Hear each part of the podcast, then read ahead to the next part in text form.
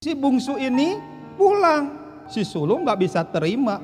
Bukan gitu juga terjadi dalam gereja. Kalau si bungsu pulang, banyak si sulung datang. Eh, saingan nambah. Kenapa harus bersaing?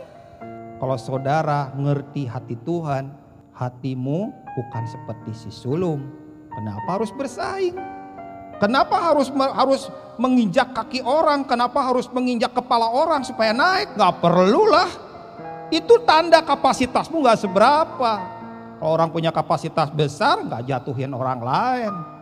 Dia naik bukan nginjek orang. Dia naik karena Tuhan yang tinggikan dia.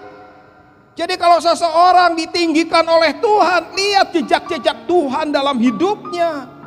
Tapi kalau saudara naik tapi nginjek orang, jatuhin orang, saudara nggak punya jejak Tuhan dalam hidupnya, percuma itu.